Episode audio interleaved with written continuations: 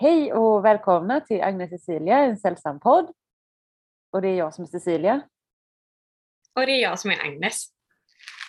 Och eh, idag så ska vi som vanligt prata om vad vi har läst sen sist. Och eh, ja, det är väl det egentligen. Eh, nej, men jag tänkte väl helt enkelt gå rakt på sak och fråga dig, vad, vad har du läst sen sist? Eh, men jag har läst eh, en hel del faktiskt. Ja, Eh, kul! Ja, och eh, mycket bra. Oh, Eh, så det känns väldigt roligt att få prata om. Ja, verkligen. Ehm, men jag tänker att jag bara tar en och börjar. Det låter Eh, jättebra. Ja, den, den första boken som jag läste efter vårt förra eh, avsnitt, det var eh, Modersmjölken av Nora Ikstena, kanske. Ja. Det är en lettisk författare Mm. Som skriver om ja, men en, vad ska man säga, två kvinnoöden Vänta, under förlåt. Sovjet. Jag har en fråga. Ah. Jag, jag, sa du lettisk? Från Lettland? Ja. Okej, för Ja. jag var osäker på om det var det eller om du sa lesbisk.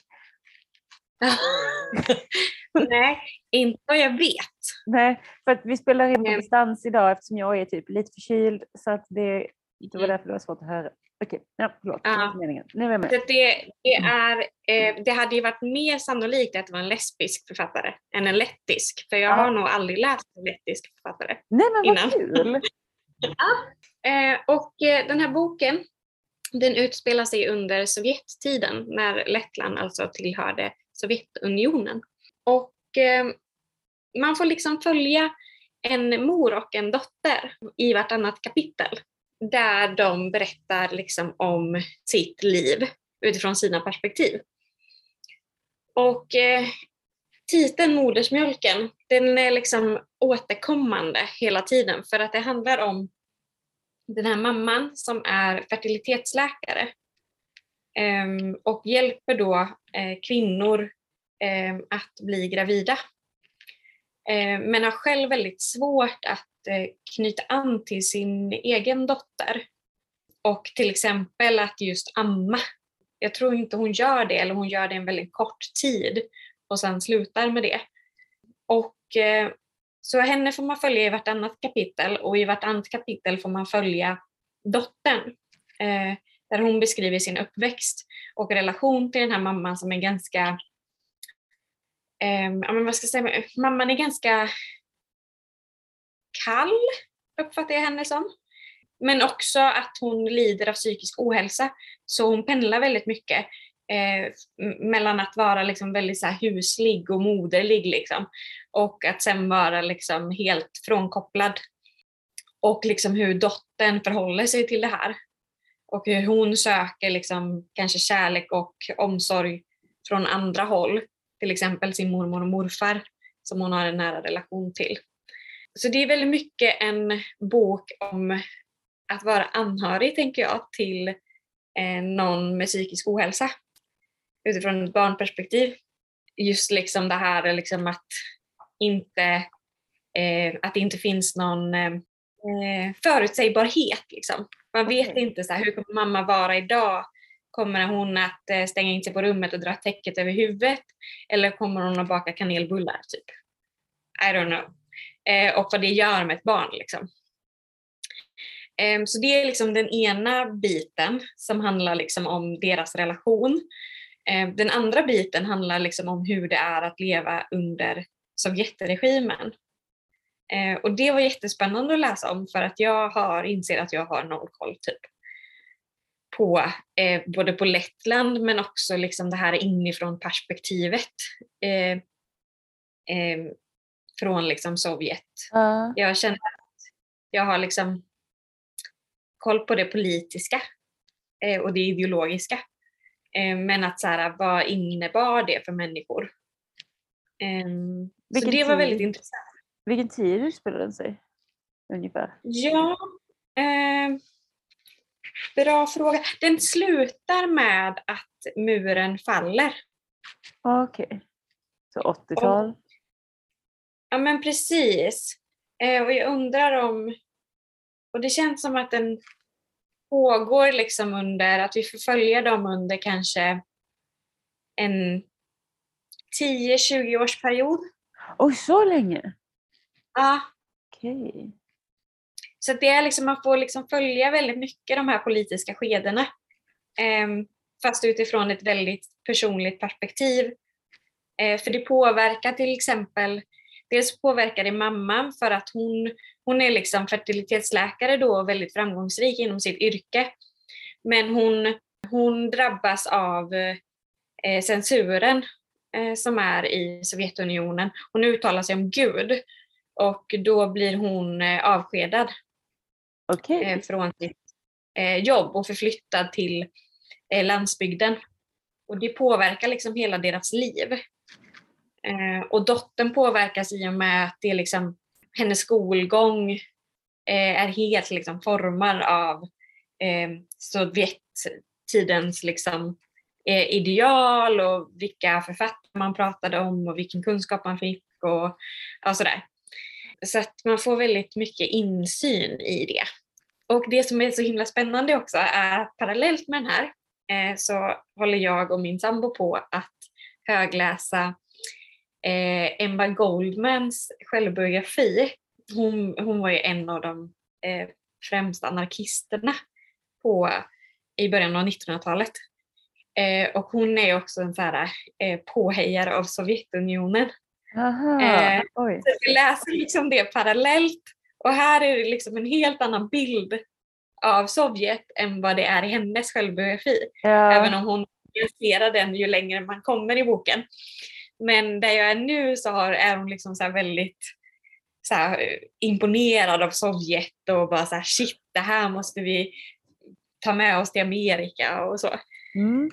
Eh, så det är väldigt, eh, väldigt rolig samläsning liksom. Ja, det kan jag tänka mig. Jag tycker att den här, alltså jag kan verkligen rekommendera den. Jag tyckte den var lite seg i början. Men eh, det är väldigt spännande med deras dynamik. Alltså eh, mor och dotter. Mm. Men också hur det är så här, eh, skildrar de politiska skeendena på ett väldigt eh, krasst sätt. Mm. Ehm, och också så här, det är en spännande karaktär till exempel som är en, en kvinna som kommer till eh, den här mamman då eh, eh, som läkare. Liksom. Eh, hon söker, söker sig dit för att göra sin första gynekologiska undersökning. Hon har liksom inte gjort någon sån undersökning i hela, på, i hela sitt liv och hon är kanske typ, jag vet inte, 30-40 någonting. Och eh, misstänker att så här, någonting är fel. Mm. Så här, det, jag, jag tror inte att, så här, kan du titta vad det är för fel på mig? Och då visar det sig att hennes, om det är att hennes yttre könsorgan är liksom kvinnliga, men hennes inre är manliga. Eller något sånt. Ah, ja.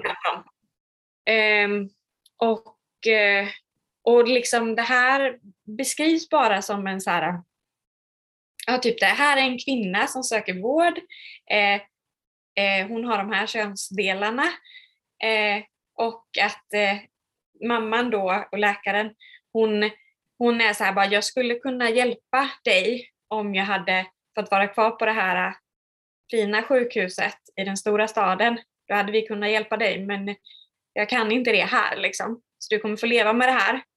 Eh, men eh, det är inget farligt, det är inget fel på dig. Eh, det är liksom, så här kan det vara. Eh, och, och sen så liksom, sen följs de här åt, så den här kvinnan blir liksom någon slags ja, men vän fast också lite så här eh, hushållerska till läkaren slash mamman. Eh, och det, deras relation utvecklas väldigt fint liksom. Och jag tycker att det är så fas- eller liksom jag uppskattar att det blir ju någon form av transberättelse. Ja. Den beskrivs inte som det. Utan Nej. det är bara så här är det en person som söker vård, eh, får det till viss del utifrån de förutsättningar som finns. Men att, och sen utvecklar de en relation liksom Ja. eh, blir väldigt nära. Ehm, och att det liksom inte ja, men det, det fastnar inte i liksom en så här begrepps... Nu ska vi använda rätt ord och... Eh, att det ska vara politiskt korrekt och, och sådär. Eh, utan bara, det bara är typ. Eh, så att, ja, men jag kan verkligen rekommendera eh, modersmjölken. Ja, jag, fick, jag fick lite panik när jag liksom läste den här. För att jag var såhär, nej, nu kommer Cissi tro att jag bara läser den här för att jag är gravid och det är bara så här, modersmjölk. jag skulle tro det. att jag är så fördomsfull mot gravida. det är kanske mina egna hjärnspöken uh. mest. um, men ja, uh, så vill man läsa en lettisk författare kan man läsa mm. den. Mm. Men eh, Sissi, vad har du läst? Jo, jag har läst eh, en bok som heter Hunger, historien om min kropp av Roxanne Sen... Ah. Ja, har du läst den? Mm, det har jag. Jag, jag är lite efter, den kom 2015 eller något sånt. Nej, 17. Men för de då som inte känner till den så eh, handlar den, alltså Roxanne Gay är forskare och har skrivit en massa böcker och artiklar och allt möjligt som Alltså helt ärligt vet jag, alltså jag vet att hon har skrivit den här Bad Feminist. Som mm. också är en annan bok som, ja, det var det första tror jag som hon blev lite uppmärksammad för, i alla fall i Sverige tror jag. Mm.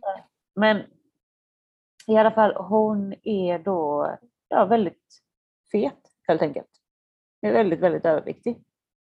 Och mm. den här boken handlar om dels varför hon är det och vad det liksom får för konsekvenser för henne. Eh, och det är liksom dels utgår från henne själv men också hon tar också ett samhällsperspektiv på, på det.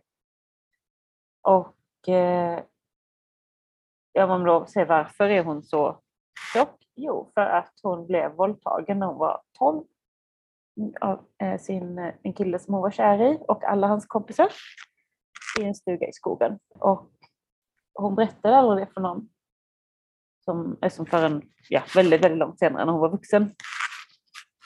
Men hon började äta för att skydda sig själv. Och jag tänkte faktiskt läsa ett litet citat där nästan direkt. Eh, hon har alltså vid något tillfälle vägt 262 kilo, så vi pratar liksom inte lite övervikt utan hon är verkligen stor. Liksom. Hon är också väldigt mm. lång. Mm. Hon är 1,90 eller något sånt där. Men så här skriver hon eh, om då varför hon gick upp i vikt. Jag började äta för att förändra min kropp. Jag gjorde det medvetet. Några pojkar hade förstört min kropp och det var knappt så jag överlevde det. Jag visste att jag inte skulle klara av ett till sådant övergrepp. Så jag började äta för jag tänkte att om min kropp blev motbjudande skulle jag kunna hålla män borta. Till och med vid så unga år förstod jag att det var oattraktivt i en mans ögon att vara tjock. Att det var något som bemöttes med förakt och jag visste redan en hel del om deras förakt. Det är något, de flesta flick, det är no, det är något de flesta flickor får lära sig, att vi ska vara små och slanka. Vi ska inte ta upp en massa plats. Vi ska synas men inte höras och när vi syns ska vi vara män och samhället i behag. Det här vet de flesta kvinnor och det är meningen att vi ska försvinna. Men det är något som måste uttalas högt och tydligt och om och om igen för att vi ska kunna stå emot att ge efter för det som förväntas av oss. Och hon tar upp en massa olika... Eh, jag, bara, jag kommenterar inte det, jag tycker att det kan stå ganska mycket för sig själv. Liksom. Mm. Eh, men hon berättar liksom mycket om så här, ja, men vad gör det med synen på henne själv, alltså hennes egen syn på sig själv liksom, som människa eh, praktiska svårigheter i vardagen. Som att, men hon är ju föreläsare till exempel och hon är ofta anlitad och fly, liksom åker runt. Och att hon typ så här, hur jobbigt det är att flyga när man är så stor att man inte får plats i sätet. Hon ser liksom när hon kommer in att alla bara säger åh nej, hoppas hon inte ska sitta bredvid mig. Eh, när hon kommer fram mot föreläsningssalen så kanske stolarna är liksom väldigt små eller hon bara tänker om stolen går sönder för den är så liten och ranglig. Mm. Eh, hon kan inte gå så snabbt så att hon liksom, hon är ute med vänner och så. Och de, ja, men vi tar en promenad. Hon kan liksom inte göra det riktigt så. Eh, för att hennes kropp klarar inte riktigt av det. Och eh, ja, men också hur liksom alla tjatar på henne att gå ner i vikt hela tiden. Och det är liksom mm. råd mm. och det är så ja men jag har läst det här och har du testat detta och du borde göra så här och du borde göra så här. och liksom hur det, vad det gör med umgänget, liksom så här, typ med hennes relation till sin familj som hon ju egentligen, eller framförallt kanske hennes föräldrar och så, som hon egentligen liksom hon älskar och vill ha en bra relation till, men att de har väldigt svårt att acceptera att ha en fet dotter. Det, mm. De är liksom, ja, de, jag vet inte vad man ska säga, typ för, inte för fina för det, men att så är vi inte i vår familj. Liksom. Hon passar inte Nej. in. Och den är extremt personlig i den här boken. Alltså jag blir så här, gud vad hon liksom, alltså hon lämnar ut sig själv på ett, ja, jag vet inte. väldigt mycket. Men det är, alltså, det är väldigt ja. bra, tycker jag. Jag gillar den väldigt mycket. Jag tycker det är liksom flera, jag har vikt ner flera hörn här. Ja. Jag tycker att det, hon säger så mycket bra. Och jag blir definitivt sugen på att läsa mer av henne. Ja, och också om det, det temat tänker jag. För jag, jag har läst den där, men jag har också läst en bok som heter Tung som är skriven av en författare uh. som heter Kiese eller Kies eh, Leimon. Ja. Som jag kanske har pratat om i podden tidigare. Nej, det har du inte, men jag vet vilken bok det är. Jag började läsa den. Ja.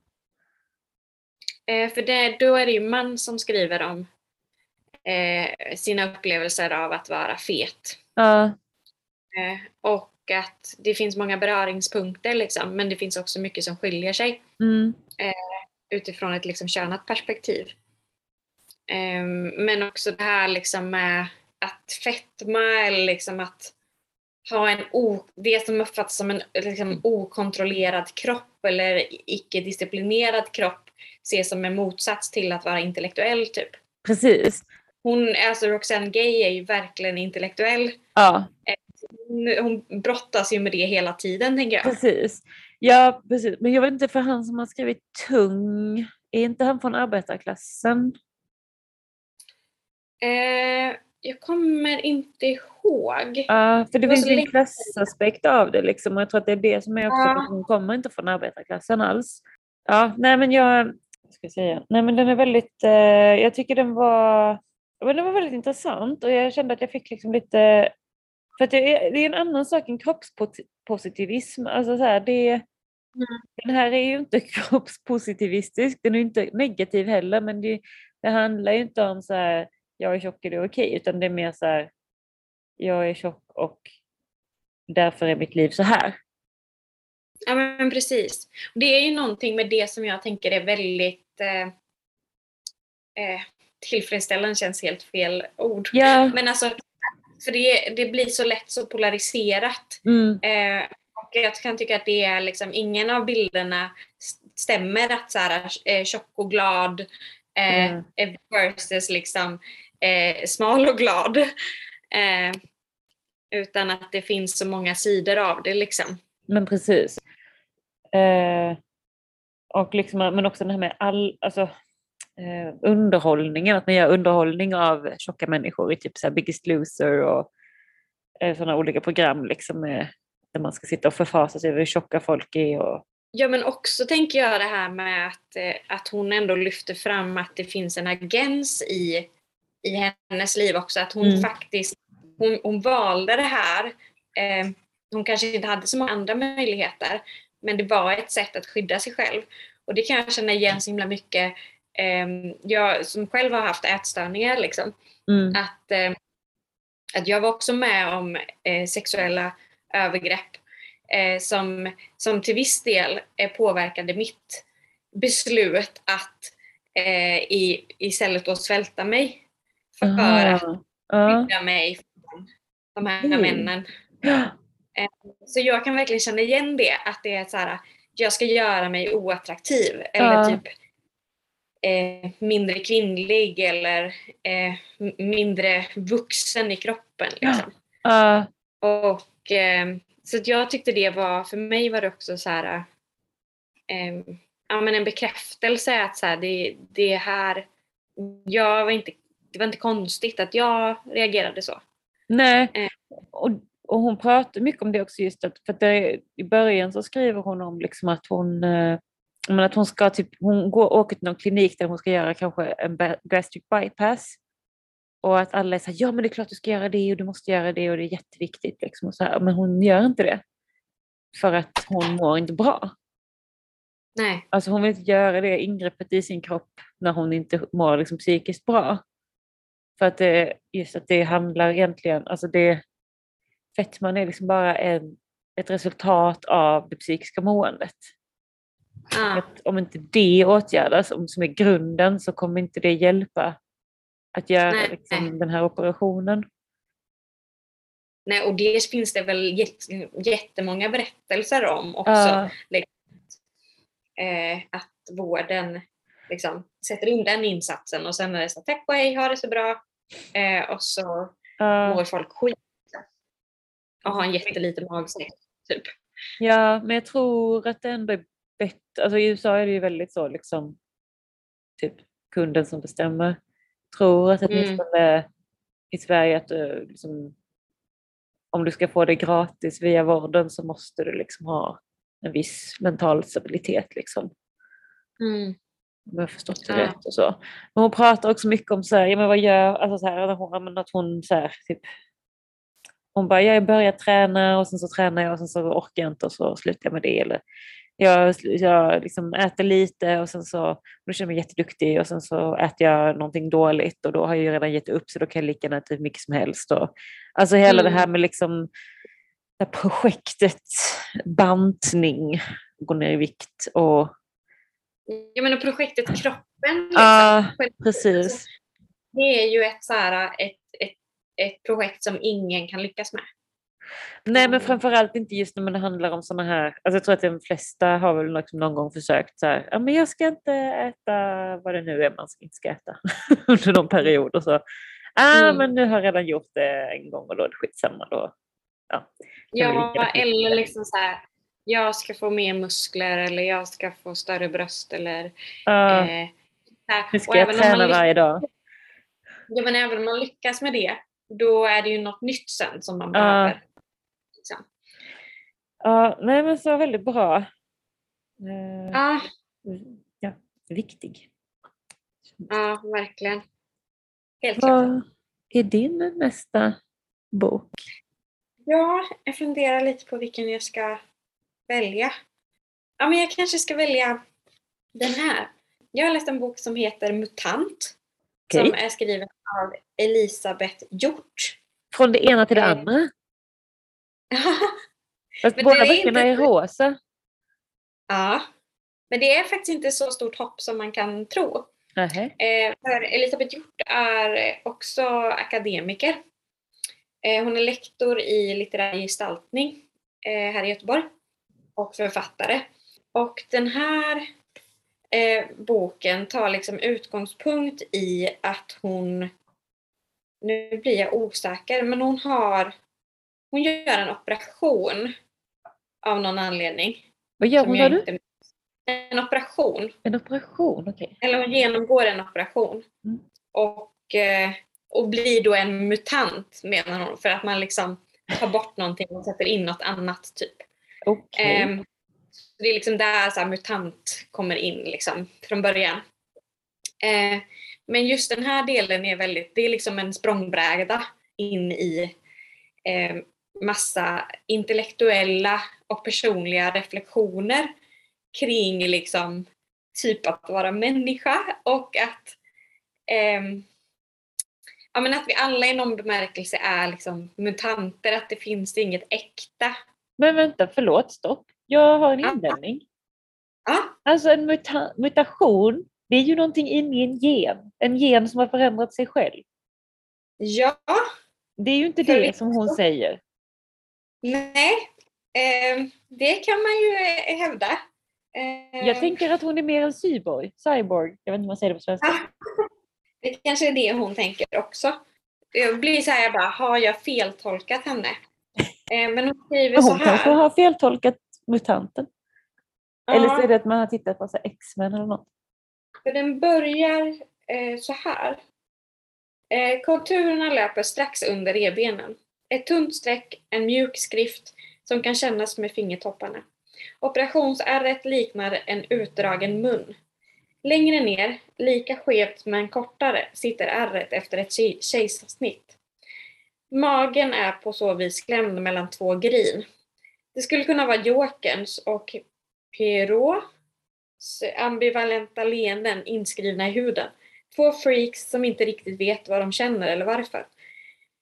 Tumören som bodde under det större ärret har inte kommit tillbaka.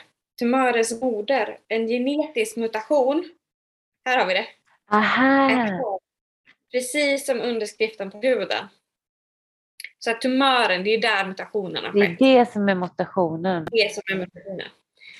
Eh, jag har blivit av med halva bukspottkörteln och hela mjälten. Men verkligen försökt utvinna något poetiskt ur tanken på att vara mutant. Okej. Där har vi det. Ah, ja, nu är jag med. Jag ska sluta invända. Men det var bra, då fick vi det här klargörandet. Ah, Men så liksom utifrån det här då så börjar hon eh, diskutera eh, olika liksom, delar i sitt liv. Gud vad det här kommer bli flummigt nu, eh, känner jag. Ehm, alltså du läser alltid så roliga böcker. Jag bara, vad är det här för konstighet? men eh, för det handlar liksom om eh, jag sa det när jag läste den här också, jag bara det här är en sån här bok som jag kommer att älska och sen Ja. kommer jag inte ha en aning om hur jag ska beskriva den. Okej. Eh, och det är precis det som händer just nu. Ja. För att hon, liksom, hon håller på med skrivande eftersom hon är lektor i litterär gestaltning. Ja. Eh, så hon är intresserad av språk eh, och ser sig som en skrivande människa och sådär. Sen är hon ju också akademiker. Eh, så att det är jättemycket referenser till Mm. massa akademiker som jag gillar. Så tänkare som jag känner igen. Och Ja. massa författare. Typ Rachel Cusk, Marguerite Duras, Adrian Rich. Nu namedroppar jag massa. Men Ja. Eh, och många av de här känner jag till och en del gör jag inte men jag blir såhär bara oh shit jag måste verkligen läsa de här. Ulrika Dahl, typ min favorit eh. Ulrika Dahl? Ja, Jag vet inte vem är. Jaha. Och så, så handlar det liksom om, så det handlar dels om liksom skrivandet och hur hon ser på det och tankar kring det. Eh, och hur hon typ rättfärdigar att hon är en skrivande person typ. Men sen handlar det också typ om moderskap för hon, hon ville inte ha några, var inte intresserad av att ha barn. Nej. Och sen plötsligt blev hon intresserad av det. Och jag tror att hon har tre barn nu. Oj! Och hur hon liksom förhåller sig till den, den rollen. Och eh, sen handlar det liksom om, ja, men också så om relationer, litteratur, ja men massa sådana här saker. Och så bara kopplar hon till det här med mutantgrejen på massa snygga sätt. Eh, som jag inte kan förklara och kan inte återge. Hon är inte Eh. som du och jag som bara säger jag har en tanke men jag kan inte riktigt få fram den utan hon skriver faktiskt Nej. fram den. Liksom. Ja, alltså det är så briljant. Alltså jag, jag, tyckte, alltså jag tyckte så mycket om den här boken.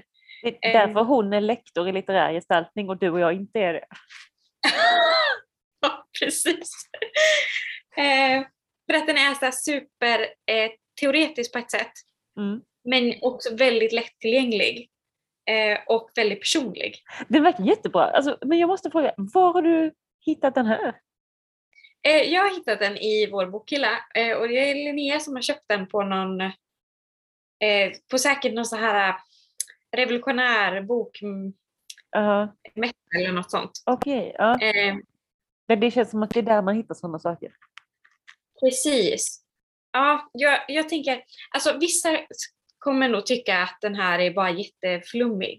Men om man gillar liksom text och personer som skriver om att skriva Ja. eh, och om man gillar så referenser eh, till massa annan text eh, så kommer man älska den här.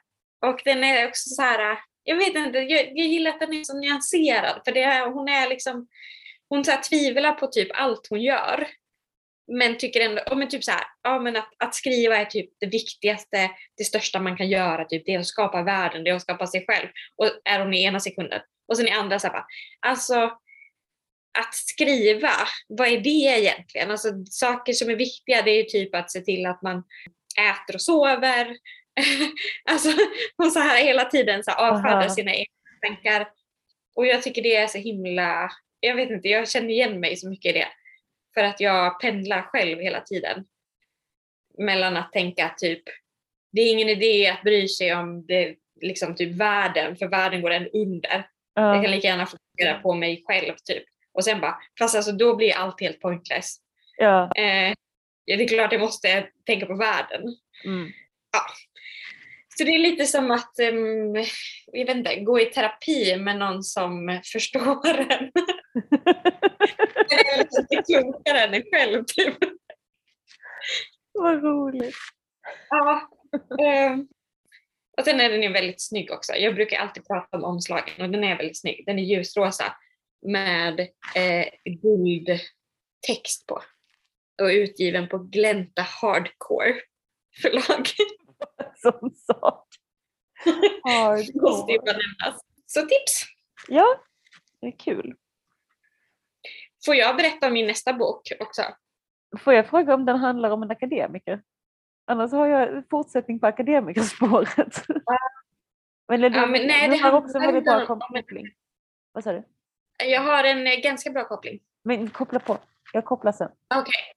Ehm, för jag har nämligen läst den här som heter, ja, jag hade tänkt säga att du skulle få säga vad den heter för att jag vet inte hur det uttalas. Göra sig kvitt Eddie Bell Gull. Och du tror att jag kan franska? Nej, men jag ville försätta dig i den här sitsen att uttala här. Jaha. Eh, jag säger, i mitt huvud när jag har läst den här boken så heter det huvudkaraktären Eddie Bell Gull. Ja. Eh, det är oklart om man gör det på riktigt. Hur stavas det? G? G-U-E-U-L-E. Jag tänker, det är säkert ett Ö. Typ gull. Väl. Eller gyll. Ja. Eller något Men jag säger Gull. Ja. Eh, jag har sett mitt Eddie Bell Gull av Edouard Louis. Ja. Eh, Oh, han är i och- farten väldigt mycket.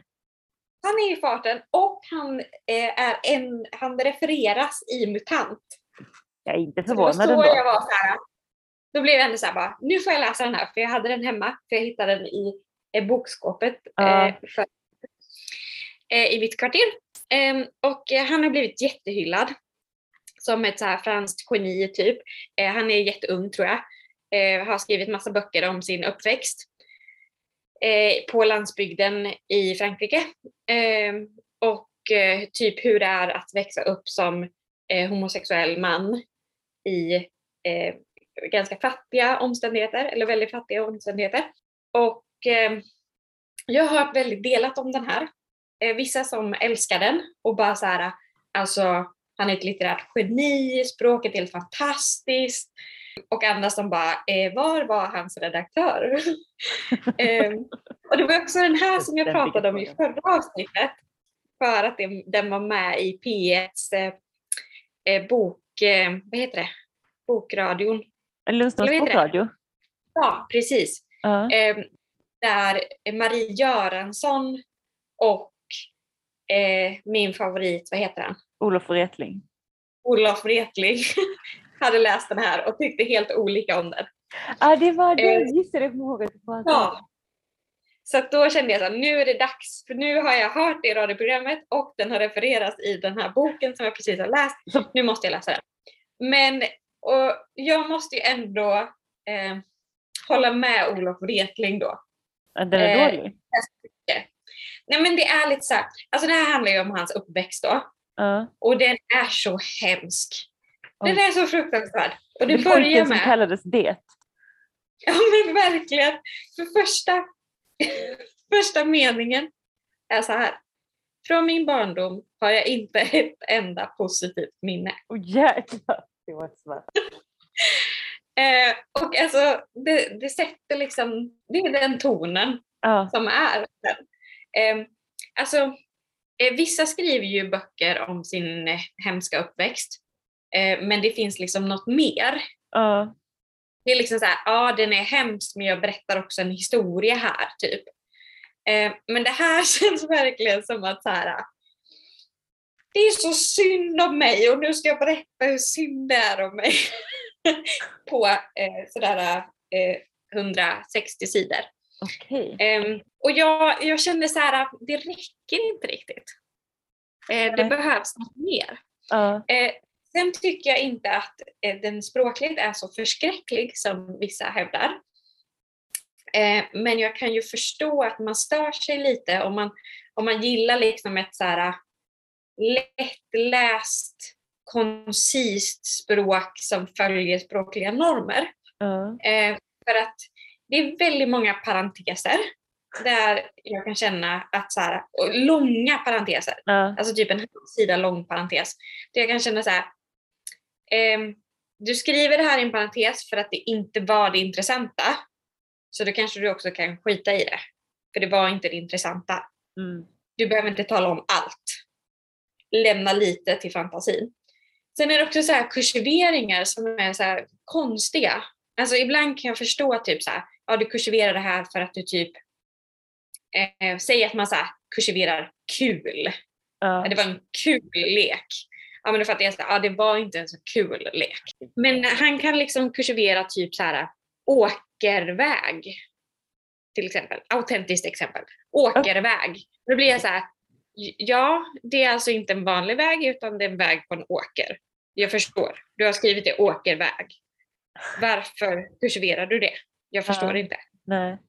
Sådana lite så konstiga saker eh, som jag stör mig lite på. Ja, okej. Har du läst något Ehm. annat av honom? Nej, jag har inte det. Men jag såg när jag var på bibblan idag att han hade skrivit någonting som var så här, om någonting med kvinnors, ett kvinnoliv eller något sånt där. Ja, blir boken jag- handlar om hans mamma. Men Nej, jag det också det.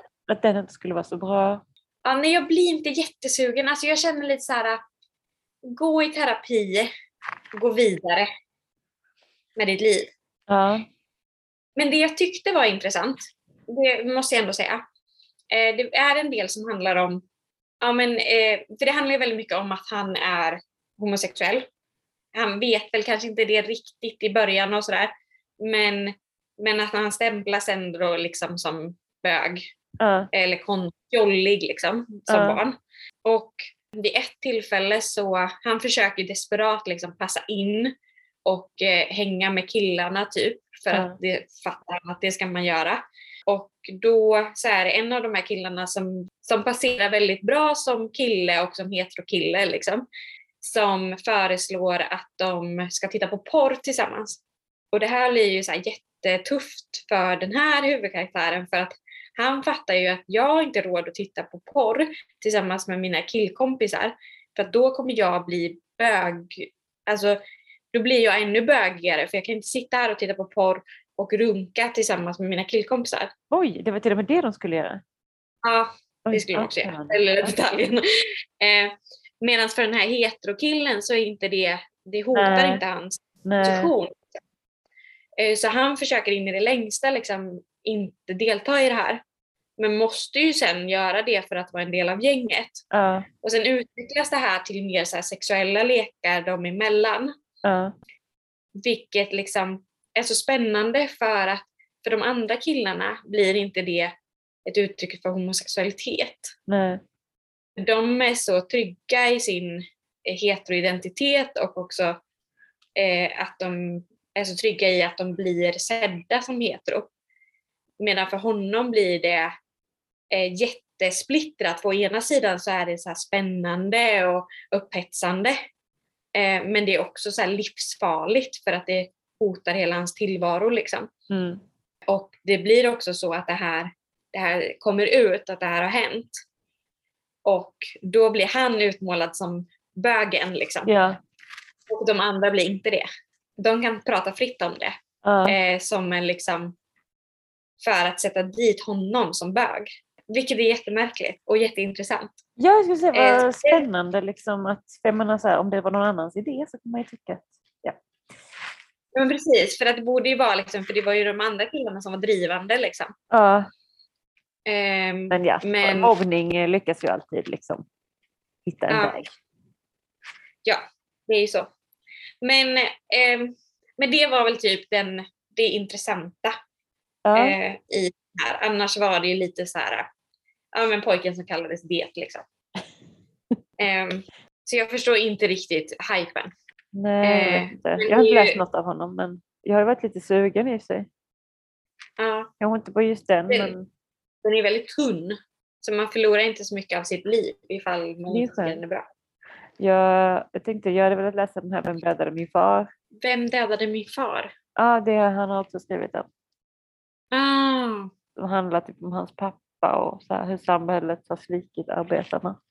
ja, alltså, alltså det, är ju det skulle kunna vara intressanta eh, berättelser om Ja. det liksom lyfts upp på en annan nivå också. Mm. Men just i den här så tycker jag bara att det blir liksom en gråthistoria historia på Okej. Ja, fyra typ. ja, jag fattar.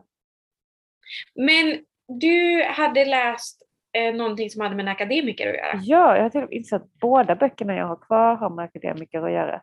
Ja, då var vi tvungna att ta en paus och bara byta Zoom-möte för att eh, Zoom tillåter oss inte att prata mer än 40 minuter i taget. Och uppenbarligen pratar vi länge. Ja. Ja, men akademiker var det. Och jag har ju två böcker till och, som jag har läst och båda två har en akademiker som huvudperson. Eh, men den första som jag ska prata om, där är det väldigt liksom, det är liksom typ det det handlar om eller det är en viktig ingrediens på ett annat sätt än vad det är i den andra. Eh, och det här boken heter Den svarta månens år och är skriven av Ellen Mattsson. Eller Eh. Mattsson, är det hon som sitter i akademin? Hon sitter i akademin. Oj, oj, Från oj, vad du, Bohuslän. vad du kan! Herregud. Ja, du, är akademiskt, det förslår alltså. Ehm, jag eh, hörde talas om den här för att jag, jag, har- jag har pratat någon gång tidigare om att jag har varit på de här forum för poesi och prosa här i Göteborg. Och då var hon Ja. där och läste högt ur den här boken. Så det är hennes senaste bok. Och eh, vi läste den i min bokcirkel nu. Så ja, det var ett tag sedan jag läste den, det är typ mer än en månad sedan. Och den här är ganska, ja, hur ska man beskriva den? Det är inte raka spåret om man säger så i den här boken. Det är kringelikrokigt. Alltså huvudpersonen är en eh, man som heter David Svarthed, Svarthed och han är lärare på universitetet i litteraturhistoria tror jag det är. Det börjar med att han typ skäller ut en av sina studenter för att hon hon klagar över rättningen alltså av en tenta. Och att han bara, för att det finns inte utrymme för tolkning i grammatik. Eller så här. Och hon bara, du är så jävla konservativ. Alltså det är så här, det är ganska roligt. Och då är det så här, du får inte behandla studenterna så. Typ, så här. Att han säger typ att hon är idiot eller något sånt. Ja, undrar hur många sådana här samtal eh, olika kursansvariga har fått ha med lärare. Ja i alla fall. Och sen slutar med att han blir avstängd i alla fall på typ ett halvår från sin tjänst för att han inte fungerar. Och då har han liksom inget att göra riktigt. Så här. Han försöker ha någon slags han försöker typ ta kommando över situationen och sätta en paus när han ska kunna ägna sig åt sin stora passion i livet som är eh, Iliaden. Eh, och han ska, jag vet inte vad det är han ska göra med Iliaden, har någon slags diffust forskningsprojekt som inte ens han själv riktigt kan definiera. Jag tänker lite på om du har läst Pappan och havet, av, alltså Muminboken Pappan och havet. Nej, jag har inte det. Okej, men om någon har det, så i den boken så har Muminpappan ett projekt att han ska skriva en avhandling om havet. Mm. det blir liksom ingenting, det är lite samma känsla här. Eh, det, det Ja, det bra är idé. inte så avgränsat. Nej, Havet är rätt stort. Nu blir jag så här bara, det känns som att jag har glömt någonting. Alltså är det så att han går in i väggen? Typ? Det är någonting, han är liksom förvirrad på något sätt. Det börjar, han är liksom förvirrad från början. Han börjar leda av sömnlöshet då när han är ledig, så han är liksom uppe på natten och sådär. Ja. Sen så, men han vägrar sova, han försöker verkligen inte sova på dagen. Liksom, för att så här, men då sover han väldigt lite och då blir han lite knäpp av att, att han inte sover. Men så ska han, det är på vintern, han ska gå ut och gå en promenad och då halkar han på en isfläck och slår i huvudet. Och då alltså får han lite så konstiga symptom efter det. Han åker liksom till sjukhuset och sådär. Och Mm. han, han får liksom, liksom minnesförluster eller alltså så här, hallucination, eller heter det hallucinationer när det är inne i hjärnan, eller vanföreställningar kanske man ska kalla det. Ja. Och eh, hans, det är liksom två barn eller ungdomar som hjälper honom när han har ramlat och ringer ambulansen och sådär. Och så är det som att de bara, "Ah, men vi såg någon. Han bara, jag har förlorat någonting. Han säger att han har tappat en bok då när han trillade. Men han kommer inte ihåg vilken bok. Han bara, den är röd. och försöker liksom hitta den. Uh, och de bara, vi såg, vi såg två personer som var jättelånga. Uh, det var då de som tog din bok. Och man bara, fast varför skulle någon stjäla hans bok? Alltså jag vet inte, det, det, för det är liksom, det är väldigt, det är väldigt förvirrat liksom om man är inne i den här förvirrade hjärnan och liksom, man är liksom med honom hela tiden. Och man vet inte riktigt, ibland vet man att men det här är ju bara på liksom. Men är det jag-form eller är det i eh, tredje person? Jag tror att det är typ så i han-form. Ja, det är han. Mm. Medan han drack det sista i koppen hörde han smällarna i brevinkasten.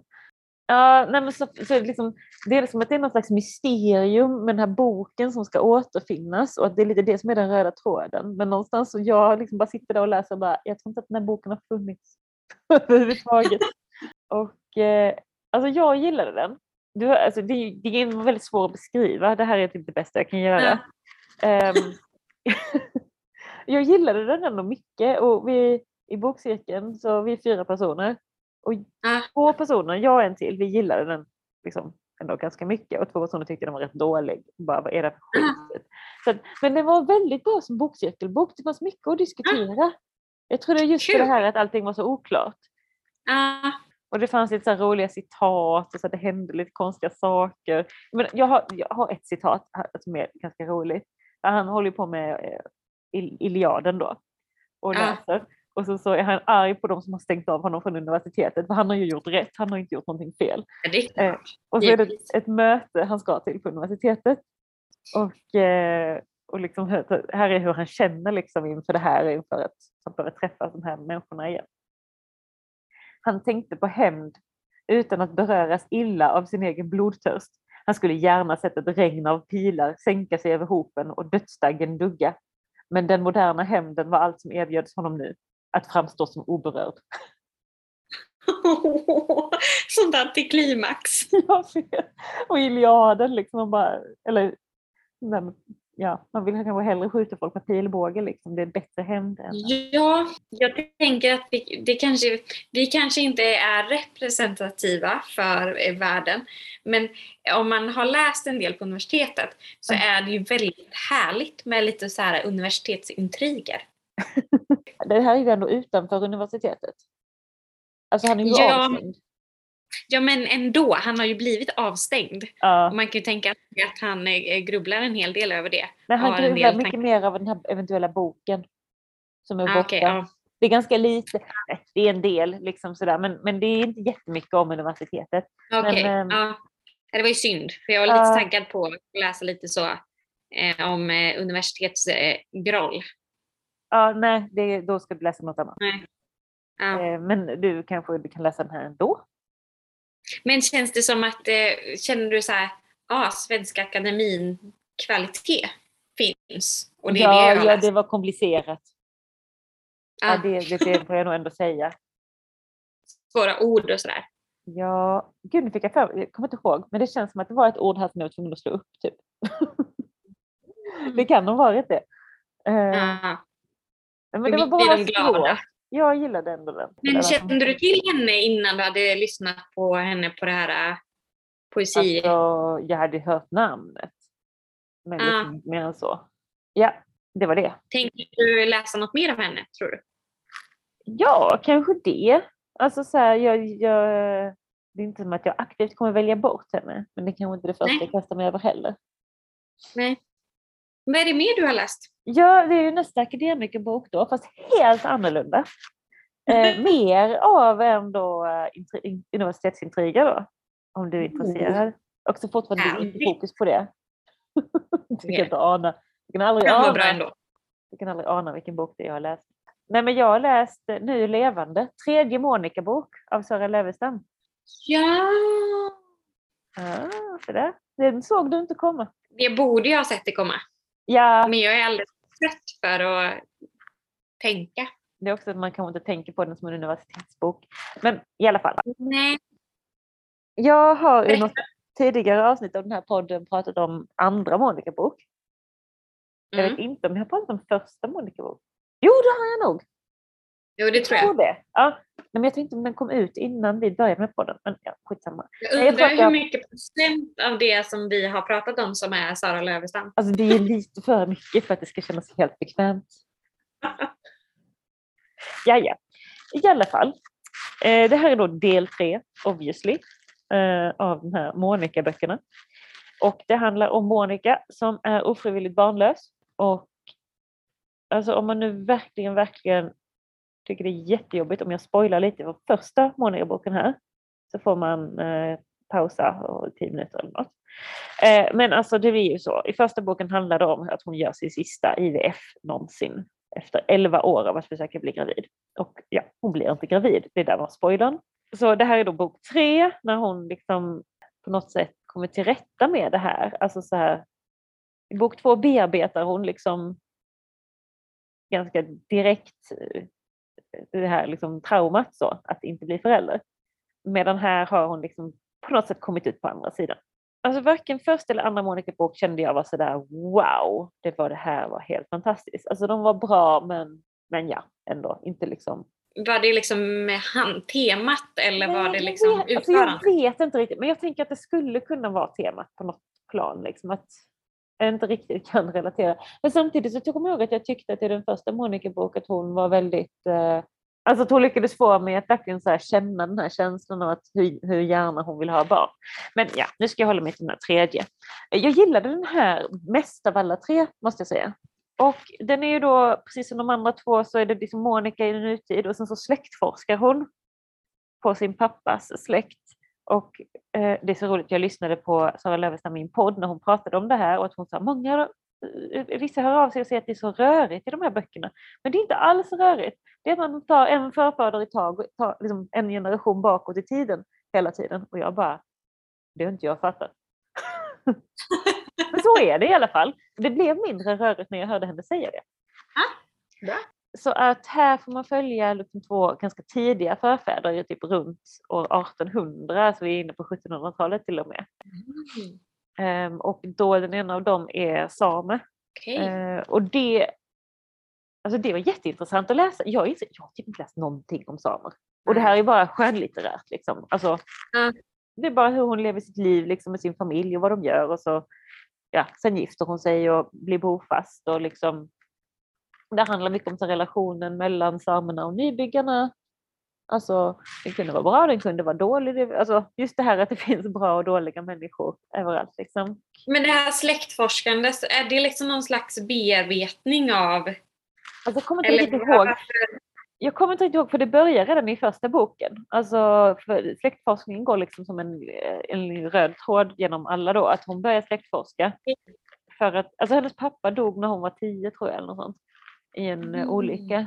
Alltså det handlar ju mycket om hur hon, alltså hon ser, hon ser sig själv i den här stora släkten, hon är en del av det här släktträdet och så tar det bara slut efter henne just det. föra det här vidare.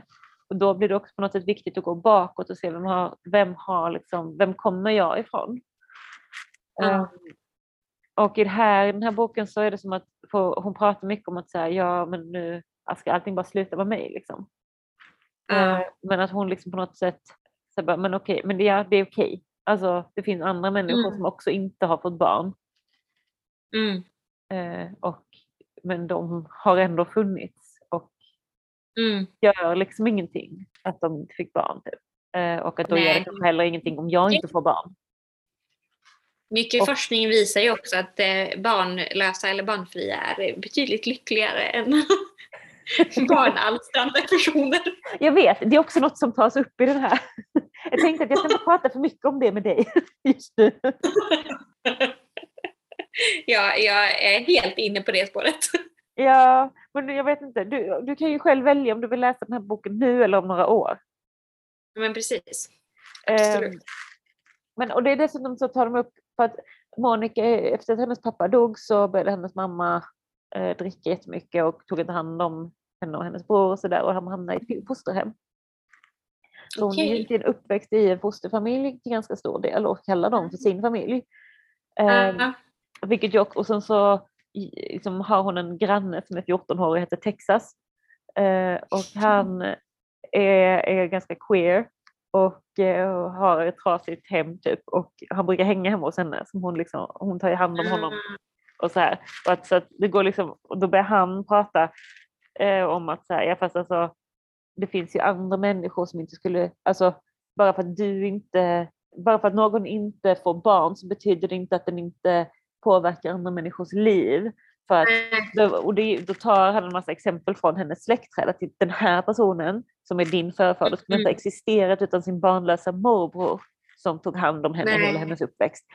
Och att det finns i varje, ja, och så finns så här, i varje, varje generation så finns det liksom en, minst en person som inte har egna barn men som har varit väldigt viktig för den som Ja. fick barn. Och att han bara, men du själv liksom också, alltså vem är det som har gjort att du har överlevt? Det är ju den här andra familjen, fosterfamiljen Aha. som tog hand om dig. Ehm, så att det, och jag tyckte det var, alltså det var ju en grej som kom in och det kanske lite mer mot slutet som man började prata om det. Men det, jag tyckte det var faktiskt, det var intressant. Jag har inte riktigt tänkt på det på det sättet. Nej, och samtidigt tänker jag att när, om man väl tänker på det sättet Ja. så går det nog upp för väldigt många att de har personer i sin närhet som har liksom påverkat ens liv jättemycket. Precis. Som är liksom ens föräldrar. Ja, exakt. Och på ett sätt så låter det så himla självklart liksom nu när jag säger det. Bara, "Hur kan det här vara en nyhet? Men någonstans så, jag vet inte, det var väl lite trevligt, att bli- bra att bli påmind om det. Men, nej, men som sagt, jag gillade ändå den här. Och, för att ibland har jag känt att vissa av de här liksom, historiska delarna, vissa av de personerna som det har handlat om har jag liksom varit här, inte jätteintresserad av. ibland Nej. har det varit intressant, ibland har det varit mindre intressant. Men de här som var här, det är två personer, då tyckte jag att båda var, eller var det två, tre kanske till och med. Ja, i alla fall, det var intressant att läsa om dem. Kul! Men Ja. då är det sista boken Det är den sista. i serien. Ja, precis. Men det är tre böcker i serien och så finns det en bok som är en så här barn och ungdomsbok som heter En stark nolla som handlar om Texas. Ja, Den här grannpojken. ihop. Mm, de hänger ihop. Det är ju så med Sara Lövestam att hennes böcker hänger ihop. Just det. Just det, att det är karaktärer som dyker upp. Precis, till exempel så Texas. Hans Ja. mormor är med i böckerna om kopplan. Aha. Och det, i den här så dyker det också upp en av personerna från Hjärta av jazz. Alltså jag gillar den grejen. Ja, det är det lite är som en ganska till de trogna läsarna. Det är det. Ändå... Sen så finns det ju trogna läsare som har noll minne och eh, uppfattningsförmåga som kanske inte lägger märke till det. Jag till exempel. Men eh, Men Hjärta av jazz har jag ju läst ungefär tio gånger så att eh, ja, du är ju också en väldigt uppmärksam läsare. jag gillar ju kopplingar. Mm. Apropå det så har jag ingen koppling till eh, min nästa Nej. bok. Okej, men då kör vi kopplingslöst. Ja, Vad, vad är den sista Eh, boken?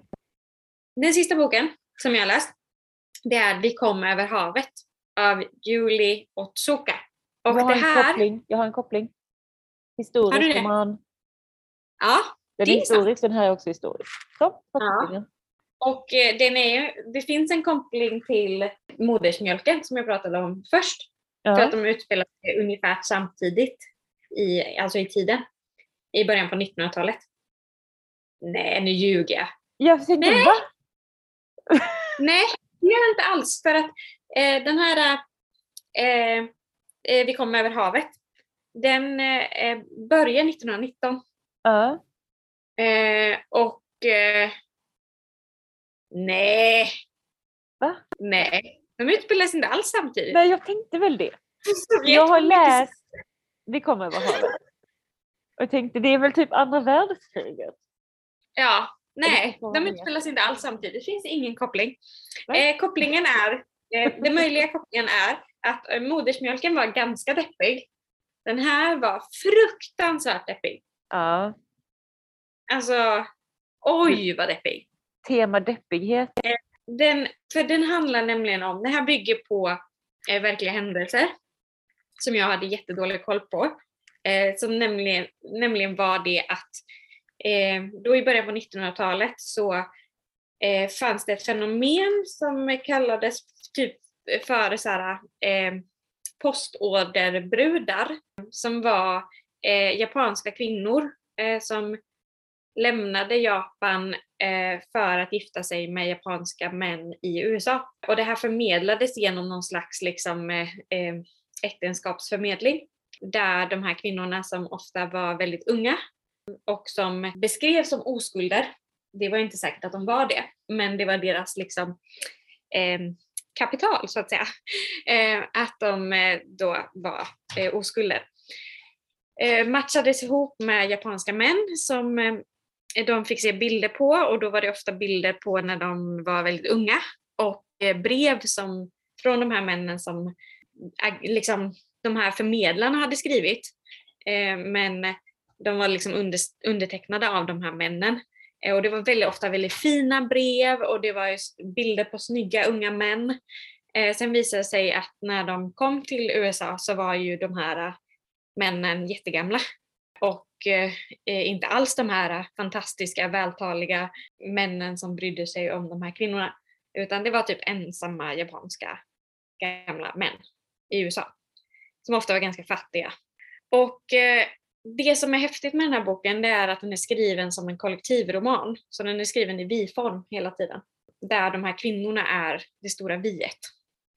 Och de eh, reser alltså från Japan eh, till USA i början på 1900-talet utan att veta alls vad de är på väg till. Eh, de vet att de ska möta de här männen som de eh, då ska gifta sig med.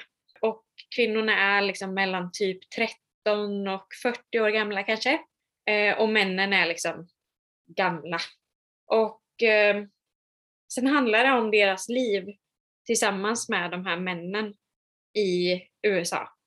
Eh, och både om deras relationer men också liksom relationen till USA och hur de placeras in i samhällsstrukturen i USA.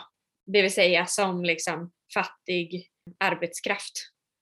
Eh, de allra flesta jobbar på åkrarna eller i, som hembiträden eh, hos eh, vita amerikanska familjer. Och det var inte alls det de hade tänkt sig. De trodde liksom att de skulle åka till de här eh, framgångsrika unga japanska männen och leva liksom ett bättre liv än vad de hade i Japan. Men eh, faktum är att livet kanske på många sätt blev mycket, mycket värre. Och jag tänkte att jag skulle läsa ett litet utdrag för att man ska förstå dels liksom det här eh, hur det är skrivet, eh, för det är väldigt speciellt, men också hur jävla mörkt det är. Eh, och det här är ganska tidigt i boken eh, och kapitlet heter Första natten. Och det handlar alltså om första natten tillsammans med de här männen. Och det står så här. Den natten tog våra makar oss snabbt. De tog oss lugnt. De tog oss försiktigt men bestämt och utan att säga ett ord. De förutsatte att vi var de oskulder som äktenskapsmäklarna hade lovat dem att vi var och de tog oss med utsökt omsorg. Tala nu om för mig om det gör ont. De tog oss när vi låg platt på rygg på det kala golvet i Minute Motel.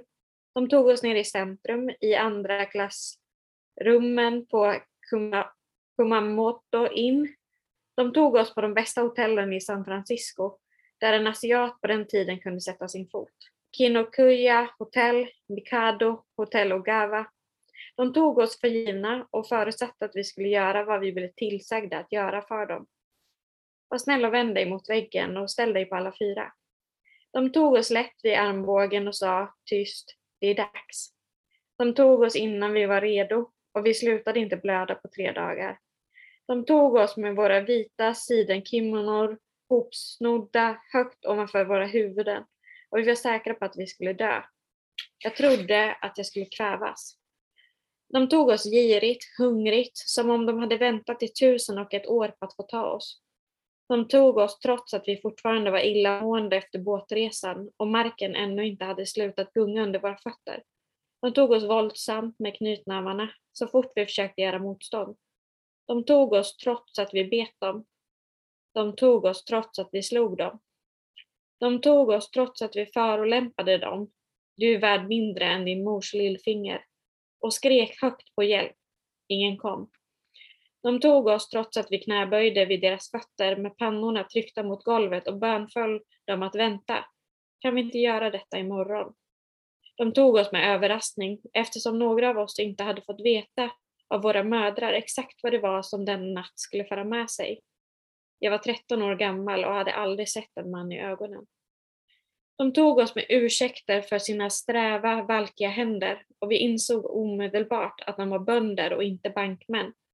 De tog oss lugnt och stilla bakifrån medan vi lutade oss ut genom fönstret för att beundra stadens ljus där nere. Är du lycklig nu? frågade de oss. De band oss och tog oss medan vi låg framstupa på trådslitna mattor som luktade muslort och mögel. De tog oss ursinnigt ovanpå gulfläckade lakan. De tog oss lätt och utan större besvär.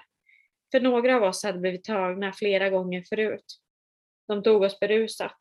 De tog oss hårt, obarmhärtigt och utan hänsyn till vår smärta. Jag trodde att min livmoder skulle explodera. De tog oss trots att vi tryckte ihop benen och sa nej snälla. De tog oss försiktigt som om de var rädda för att vi skulle gå sönder. Du är så liten. De tog oss kyligt men kunnigt. Om 20 sekunder kommer du att tappa all kontroll. Och vi visste att det hade funnits många andra före oss. De tog oss medan vi tomt stirrade upp i taket och väntade på att det skulle gå över. Utan att inse att det inte skulle gå över på många år. De tog oss med hjälp av hotellvärden och hans hustru, som höll fast oss mot golvet för att hindra oss från att rymma. Ingen man kommer att vilja ha dig när han är klar. De tog oss så som våra fäder hade tagit våra mödrar varenda natt i enrumsskjulet hemma i byn.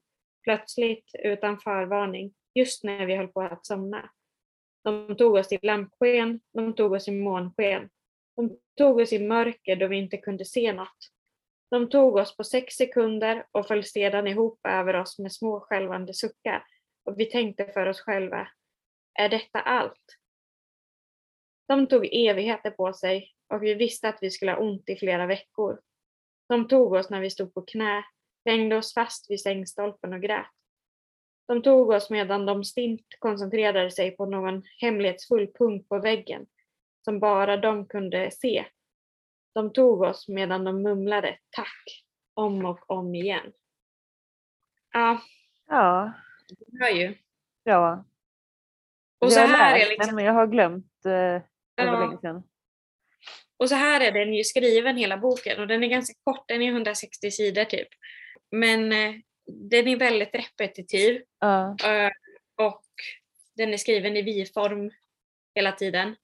Och det berättar liksom om ja, men dels det här första natten, det berättar om när de får barn, det berättar om hur de arbetar eh, och de berättar om sen vad som, för det som hände, det som är intressant också liksom rent politiskt, det är att sen kommer kriget och det jag antar att det är Pearl Harbor där japanerna attackerar hamnen i USA och eh, japaner blir ju då fienden Eh, Så de blir ju sedda som liksom möjliga förrädare och det påverkar hela deras tillvaro. Men de har ju bara sin tillvaro i USA, liksom. det är ju deras liv. Men det kommer också in liksom och hur de påverkas av det kriget och eh, hur den samhällsförändringen. Eh, Så att det var verkligen, jag fick lära mig så himla mycket om historia känner jag Ja. en historia jag inte alls kände till. Och också de här jävla ödena eh, som man bara typ storknar. Men jag tycker den var jätte, jätteläsvärd Mm. och jag är jätteglad att jag hittade den för jag fick tips av en bibliotekarie under pandemin Jaha. att läsa den här. Eh, när jag skickade in någon sån här formulär där man kunde få Just personliga boktips. Eh, och då var det här en av de böckerna. Eh, och eh, ja, jag är jätteglad att jag till slut läste den. Eh, men alltså, jag är också väldigt glad att den inte var mer än 160 sidor för då tror jag jag hade brutit ihop. För att den är så deppig. Den är så Mm. fruktansvärt deppig. Och den är också så vackert skriven. Den påminner faktiskt en del om Ocean Wong som jag har pratat om innan. Jag älskade hans, eh, ja, både hans roman och hans eh, diktsamling i liksom det här krassa på något sätt. Eh, och också hur de här detaljerna om deras vardag säger så himla mycket. om ett helt samhälle, Mm. är liksom ett liv. Så ja, det här var nog... Jag läser himla mycket bra böcker sen sist. Eh, och eh, Och deppiga böcker. Ja, jag ska inte säga att det här var den bästa, men det var ju helt klart en av de starkaste. Men vad, vad bra, Ja. vad fint. Mm. Jag, jag har utskilt tre, tre teman under den här podden idag. Berätta.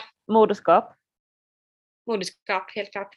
för både modersmjölken, den här, Otsuka, och eh, Ja. Sara Lövstam. Eh, Ja. Moderskap. Och Och akademiker. mutant. Va? Och mutant också Mutant. moderskap. Ja. Och Ja. akademiker. Mm. Och sen eh, deppighet.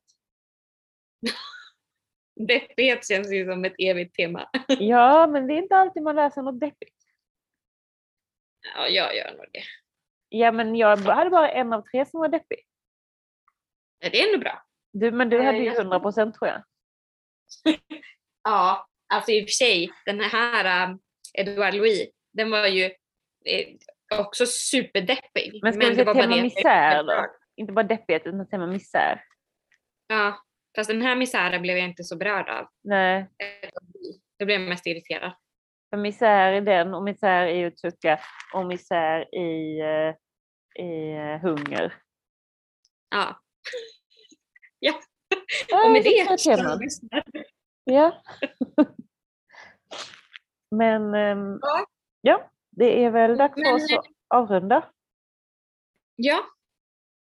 Nästa gång så kanske det blir eh, lite gladare.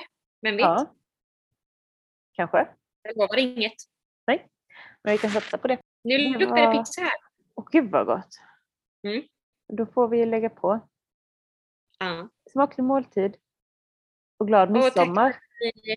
Glad midsommar och tack för att eh, ni har lyssnat. Ja, tack så mycket. Vi säger också glad midsommar för det är midsommar om två dagar när vi spelar in det här. Det kan vara kul att veta om Ja. två månader när ni lyssnar. Precis. Ha det gott! Ha det bra, hej hej! Hej hej!